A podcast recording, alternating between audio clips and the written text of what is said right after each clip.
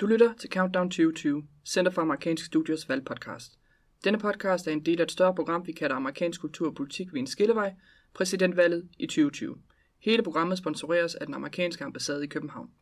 Med os i studiet har vi Kasper Bjørnø på teknikken, vores podcastredaktør er Solborg Virum, mit navn er Sabine Ansbjerg, og jeg styrer sladesgang. Velkommen til Countdown 2020. Mr. Gorbachev, tear down this wall. Nobody builds walls better than me.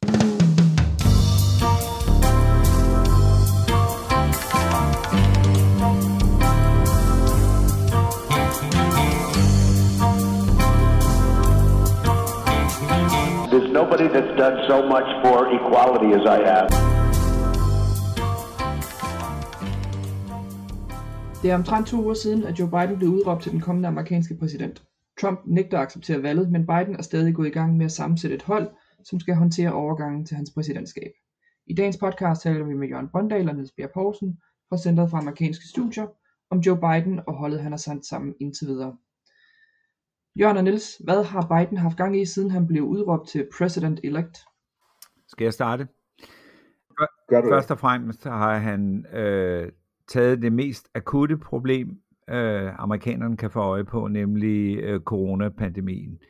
Og øh, den kan man sige er kommet fuldstændig ud af kontrol i USA nu, hvor man har passeret øh, en kvart million døde, og øh, bare inden for meget, meget kort tid har fået 1 million flere smittede, og i øjeblikket vel ligger omkring 150.000 nye smittede hver eneste dag. Så selvom der er øh, gode nyheder om flere vacciner på vej, og meldinger om, at øh, øh, både Pfizer og Modernas øh, øh, vacciner allerede øh, bliver klar, sandsynligvis i december måned, og formodningen er, at omkring 20 millioner amerikanere kan nå at blive vaccineret allerede inden årets udgang, så øh, er den næste tid her altså virkelig øh, grum.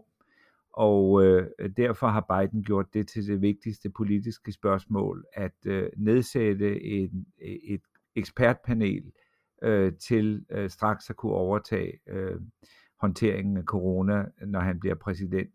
Desværre kan man sige, øh, bliver han blokeret af den siddende regering, som ikke øh, giver øh, Bidens folk de oplysninger, de har brug for, for at vide, hvad planerne er for distribution af vacciner og alt det, man skal til, øh, lige så snart han overtager embedet. Så, så det bliver besværligt gjort, øh, noget af det. Så øh, har han ikke rigtig udnævnt nogen ministre endnu, men han har annonceret, at han har besluttet sig for en finansminister, og at det vil blive annonceret på på mandag, øh, hvem der er hans kandidat til finansministerposten. Må jeg lige nu, hvor jeg har telefonen, nej, vold, mikrofonen, øh, sige en ting mere om, om Biden-lejren, som jeg synes er, er værd at hæfte sig ved. Øh, det er værd lige at kigge tilbage på valgkampen og sige, at Biden førte en næsten pletfri valgkamp, og øh, gjorde det i høj grad på at betone erfaring og kompetence mere end at han var nogen øh, meget karismatisk politiker, og man kan sige, den driftssikkerhed, som har præget hele hans valgkamp, og som især kan tilskrives nogle af de kvinder, der har kørt valgkampen for ham, øh, både hans kampagneleder og hans pressesekretær Simone Sanders, øh, det er nogle af de folk, øh, man regner med også vil blive taget med over i, i øh, Biden-regeringen. Jeg tror, vi kommer til at se virkelig mange kvinder omkring Biden på mange ministerposter, og en del af dem er altså dem, der har sikret ham en nærmest fejlfri øh, valgkamp. Man kan måske tilføje, at øh, Biden har været ude og sige, at hans ministerium skal være det mest alsidige i amerikansk historie, det vil sige det mest etnisk sammensatte, og så også med stærk repræsentation af begge køn. Så, så øh, på alle mulige måder, så, så, så øh, øh, bliver det øh, interessant at se, hvad det øh, bliver for nogle ministerposter, øh, Biden har tænkt sig at uddele. Der er også nogle navne, der allerede er i spil. Øh, altså udover, han, han har jo valgt sin øh, øh, stabschef, øh, Ron Klain, men, men derudover så er der nogle ministerpotentialer i spil. For eksempel til udenrigsministerposten, der taler man om, at det kan blive Susan Rice, den tidligere FN-ambassadør og national sikkerhedsrådgiver øh, under Obama.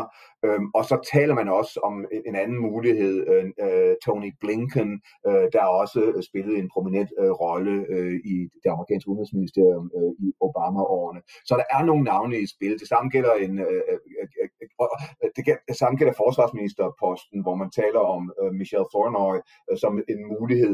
Og så er der også det ved det, at der er nogle folk, der forventer en eller anden form for belønning lige på det tidspunkt, hvor det hele blev afgjort i øh, primærvalgfasen, hvor øh, Joe Biden vandt på Super Tuesday og snuppede 14, nej, 10 ud af de 14 stater, der var i spil den dag, den 3. marts, og dermed sikrede sig øh, nomineringen stort set. Lige før da var der tre øh, midtsøgende kandidater, der trak sig. Pete Buttigieg fra Indiana, Amy Klobuchar øh, fra, øh, fra Minnesota, og så milliardæren Tom Steyer. Og må ikke de alle sammen også forventer en eller anden form for belønning for at have trukket sig, måske i form af en eller anden øh, højt øh, øh, rangerende post. Og hvem ved, måske også den tidligere danske ambassadør Rufus Gifford, der øh, har spillet en enorm rolle for indsamlingen af midler til Biden-kampagnen. Og det giver en god overgang til det næste spørgsmål, for som du sagde, så har Biden ansat sin, øh, sin stabschef, Øh, kan I komme ind på, hvem han er, øh, hvad han, altså hvordan han kender Biden, og hvad, øh, hvem har han ellers ansat i sit øh, overgangshold? Ja, jeg kan godt sige lidt om øh, Ron Klain, som han hedder. Øh, virkelig en, en veteran og en, som alle, inklusiv øh, republikanere, der kender ham, øh, også fra hans arbejde, øh, forbindelser til kongressen, øh, sætter stor pris på. Ron Klain var i øvrigt ham, som i sin tid øh, førte sagen om genoptælling i Florida for Al Gore. Så han har tidligere været stabschef, øh, også for, jeg mener også, at han har været stabschef faktisk for Joe Biden i hans tid som, som vicepræsident. Og så var han i øvrigt den, der blev... Han har været stabschef både for... Nå, undskyld, han, han har været stabschef... Ja. Nej, fortsæt bare. Nej, kom bare, Jørgen. Nå, nå ja, altså han, han har været stabschef øh, øh, lige præcis for, for øh, Joe Biden, da han var vicepræsident. Og faktisk var han også stabschef øh, for Al Gore. Ja. Men det, det er noget, du vist lige at sige også. Ja, ja. øh, og, og, så, øh, og så var det i øvrigt ham, der i sin tid også blev sat i spidsen for Ebola-beredskabet. Øh, så øh, han, når det gælder pandemier, hvis det er det første store problem, man skal takle, så er Ron Klain nok den, den helt rigtige person. Det er jo også Ron Klain, der har trænet Biden til de tv-debatter, der var. Så det er Ron Klain, der så vidt jeg ved, har spillet Donald Trump og har forberedt øh, Joe Biden på, hvad han ville møde i de tre debatter med, med Donald Trump. Men en meget, meget øh, gavet og sikker hånd, som, som øh, øh, langt de fleste har stor respekt for. Man kan sige generelt, at Biden han har det også med at holde fast i de folk, som han ved øh, er. Han er også valgt som en af lederne, øh, altså øh, lederen til overgangs, øh, altså til transition teamet. Der har han valgt en fyr, der hedder Ted Kaufman, øh, en Delaware-politiker, altså fra samme stat som, som Biden selv, som altid har været en af, af Bidens toprådgivere, og, og som ligefrem øh, blev udpeget til at øh, afløse Biden, da Biden blev vicepræsident. Så overtog Ted Kaufman hans position midlertidigt i senatet Øh, og han, han spiller altså også en, en ledende rolle nu, og det er typisk Biden, at han husker dem, øh, som har øh, været lojale mod ham, og ikke sådan lige smider dem på porten med det samme. I har selv været inde på, altså, hvem der kommer til at sidde i Bidens kabinet, og der er også spørgsmål om, hvorvidt kabinettet kommer til at indeholde de her progressives, altså dem fra den, den lidt yderligere venstrefløj kom det til at være en blanding af moderate, konservative profiler, eller hvad tænker I i forhold til han, han sigter efter kabinettet? Kan han nå ud til, til den venstre fløj? Det, det tror jeg helt klart. Altså en af de poster, nogen spekulerer i, øh, er faktisk, at arbejdsministeren kommer til at hedde Bernie Sanders. Øh, at det ville være et oplagt øh, emne. Jeg vil tro, Øh, der har været tale om, om øh, Elizabeth Warren skulle være finansminister, men det ville nok virkelig være en rød klud øh, for mange, så jeg tror, det ville være en mere kontroversiel udnævnelse, men at gøre øh, Bernie Sanders til arbejdsminister ville måske ikke være nogen dårlig disposition. Øh, I øvrigt Pete Buttigieg, som, øh, som Jørgen nævnte før, øh, har både været på tale som leder af det, der hedder Veterans Affairs, men øh, jeg tror, han selv har givet udtryk for, at han ville være øh, interesseret i, i jobbet som FN-ambassadør, som må sige så være lidt højere op på, på rangstigen, så det er bestemt, der er han bestemt en, en, en mulighed til det job. Man kan måske også sige, når vi taler om den progressive fløj over for den mere øh, øh, midtsøgende fløj, der så vi allerede i en tidlig planlægningsfase, at Biden, da han ville forsøge at, at, at nedsætte et udvalg, der skulle have med øh, klimapolitik at gøre, der valgte han, øh, eller der valgte i hvert fald Biden-kampagnen øh, at øh, lave en, øh, et, et, et, et team, hvor både Alexandria Ocasio-Cortez, som jo repræsenterer venstrefløjen, meget, meget prominent fortaler på venstrefløjen, var med. Det er hende, der blandt andet øh, har været en af de fremmeste stemmer, når vi taler om The Green New Deal. Men John Kerry, den tidligere præsidentkandidat fra 2004, var også med. Så altså forsøget er i hvert fald på at se, om de to fløje ikke kan samarbejde, og må ikke også, som Nils klart indikerer, der også bliver plads til nogle af de såkaldte progressive øh, i kabinettet. Og Bidens øh, kommende embede, han har jo en lang to-do-liste i forhold til, at han overtager efter Trump. Og han skal jo blandt andet takle covid-19, han skal sikre et økonomisk comeback og reetablere USA i internationale institutioner som WHO eller øh, Paris-aftalen. At, at, har han mulighed for at kunne reetablere nogle af alle de her ting, eller er det bare varm luft? Jeg tror, altså jeg tror bestemt, at øh, Biden har, altså i, hvad, hvad angår det internationale, der kan han godt øh, reetablere mange af de her ting, øh, få øh, USA tilbage i Paris øh, klimaaftalen, øh, reetablere øh, USA's øh, medlemskab af WHO, øh, måske endda indlede nye forhandlinger med Iran omkring atomaftalen. Den slags kan han godt gøre, fordi vi har at gøre med øh, aftaler, hvor præsidenten spiller en ufattelig stor rolle, og hvor vi ikke har at gøre med egentlige traktater, der skal godkendes med to tredjedels flertal i senatet.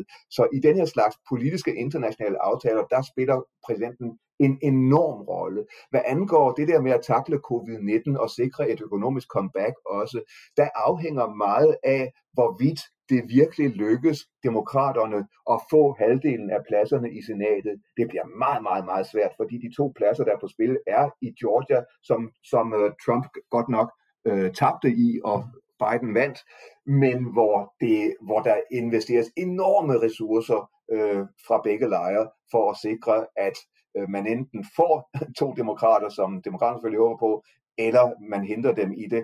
Og, og hvis øh, Biden ikke får, øh, skal vi sige, et senat, der, der hedder 50-50, og hvor øh, vicepræsident Kamala Harris' stemme derfor bliver udslaggivende, så kan det blive meget, meget svært at gennemføre ret meget, fordi så skal man tage øh, øh, Mitch McConnell og republikanerne med på råd, hver gang der skal gennemføres en lov. Og så bliver alternativet, som vi har set i nyere tid, både under Obama og under Trump, og også egentlig til dels under George W. Bush, så bliver alternativet at forsøge at reagere så meget man kan per dekret og udenom kongressen.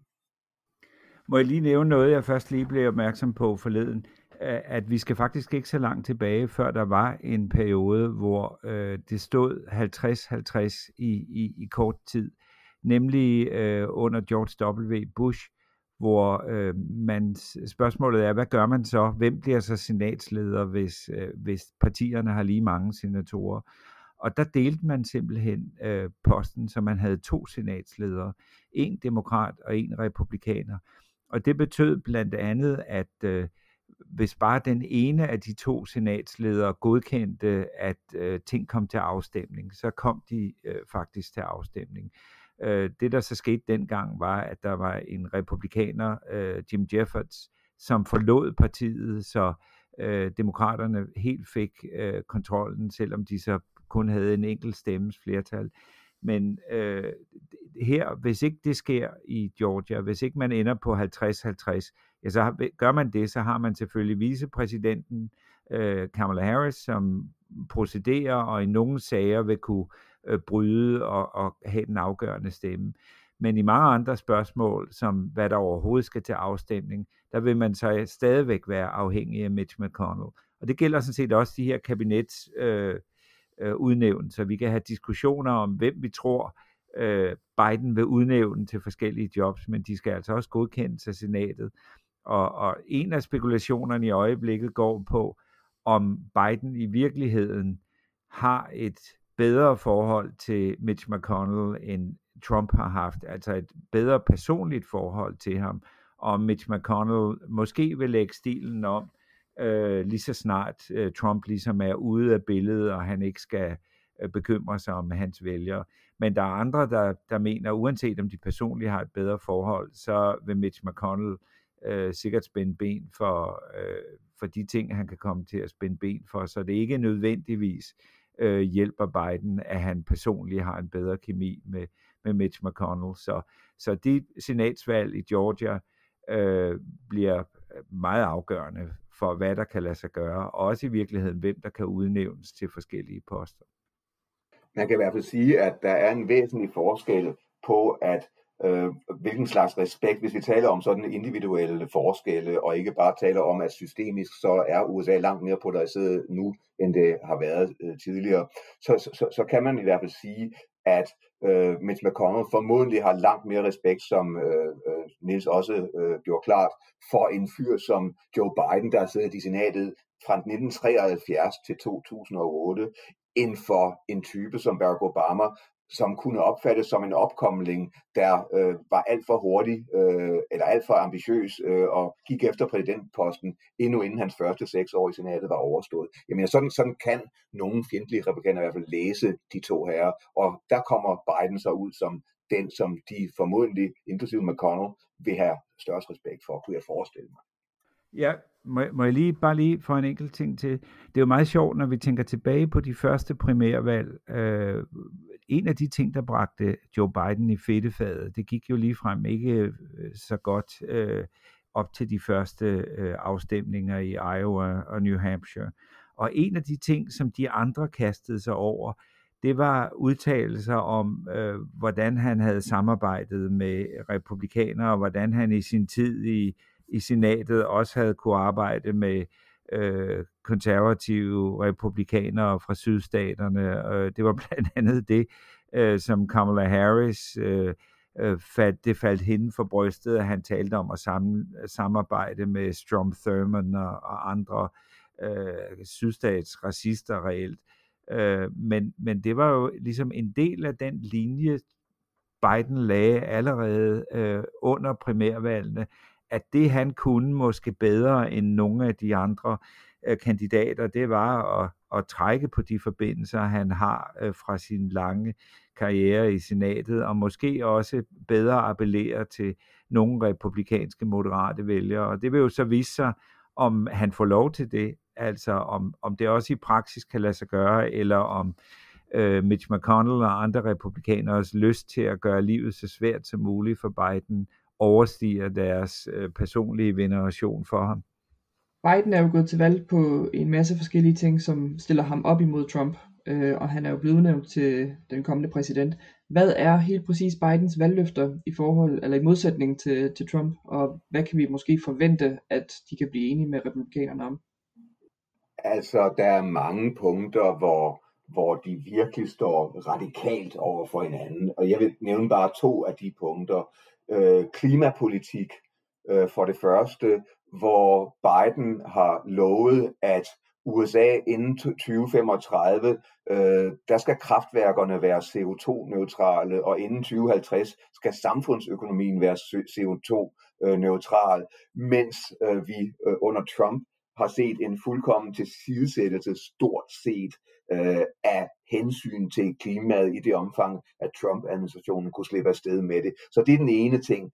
Den anden ting handler om immigration og øh, de såkaldte illegale immigranter, hvor øh, Trump øh, endte med at gøre det svært for de såkaldte dreamers, dem der kom til øh, USA illegalt som børn, og, og gjorde det besværligt for dem øh, at, at fastholde deres legale status. De er stadigvæk, øh, de har stadigvæk en legal status, fordi det forsøg på at, og ligesom at, at øh, gør det sværere at være øh, dreamer i USA, er blevet bremset i, øh, af, af domstolene forløbet. Men, men, men, men det, øh, det, det er Trump, øh, øh hvad skal man sige, øh, politikken. Biden har derimod annonceret, at ikke bare dreamers, men samtlige cirka små 11 millioner illegale indvandrere i USA, også alle dem, der kom til USA som voksne med andre ord, at de, øh, hvis han får gennemført en immigrationspakke, så som del af den pakke skal de øh, kunne se frem mod en legalisering af deres status, og i sidste ende se frem mod øh, statsborgerskab. Og det lyder måske radikalt, men historisk set er det det egentlig ikke, fordi øh, et, tilbage i 1986 var det den konservative republikaner Ronald Reagan, der underskrev en amnesti til øh, mere end en million øh, illegale indvandrere dengang. Og så sent som da George W. Bush var præsident, han kunne godt nok ikke, ikke lide ordet amnesti, men, øh, men, øhm, øh, men talte alligevel om forskellige måder, hvorpå man kunne øh, give plads til de øh, såkaldte illegale indvandrere i USA. Men lige nu, der må man sige, at det republikanske parti øh, med Trump i spidsen står meget stejlt over for Biden øh, øh, og demokraterne, også hvad angår de illegale, eller, ja, illegale indvandrere og indvandring i det hele taget. Må jeg få lidt til om udenrigspolitikken? Øh, der tror jeg også, vi kommer til at se en, en radikal forskel. Øh, vi har hørt Biden sige, America is back in the game. Øh, det er den melding, han har givet øh, øh USA's allierede i Europa og andre steder, at øh, han har tænkt sig at melde USA ind igen. Og så kan man altid diskutere, øh, Øh, hvad betyder det øh, i forhold til den rolle USA havde øh, fra 1945 frem? Er det det, vi taler om, eller er det den erkendelse, som også Barack Obama havde, at øh, der var altså sket noget i mellemtiden, og der var the rise of the rest, som man siger. Men i hvert fald en, et USA, som i højere grad vil deltage i det internationale samarbejde, og i højere grad prioriterer øh, Øh, allierede, traditionelle allierede i, i Europa og, og, og i Asien. Og det betyder også at melde sig ind i de konventioner igen. Som Jørgen er inde på, så er det jo øh, noget, Biden siger, han kan gøre på dag 1, melde USA ind i Paris-aftalen, melde USA ind i WHO igen, men vi kommer sikkert også til at se øh, en anden holdning til NATO-samarbejdet for eksempel, øh, hvor jo flere af Trumps tidligere sikkerhedspolitiske rådgivere, senest John Bolton, hans nationale sikkerhedsrådgiver, har sagt, at han var ganske overbevist om, at hvis Trump blev genvalgt, så ville han finde en undskyldning for at melde USA ud af NATO. Så jeg tror, i NATO-samarbejdet kan man også øh, ånde lettet op. Øh, jeg tror også, vi kommer til at se øh, menneskerettigheder som et parameter i amerikansk udenrigspolitik igen. Det blev helt bogstaveligt fjernet fra øh, fra USA's øh, udenrigspolitiske øh, formålserklæringer. Man droppede simpelthen øh, beskyttelsen af human rights som, som noget, der var øh, et, et, et, af, et af benene i amerikansk udenrigspolitik.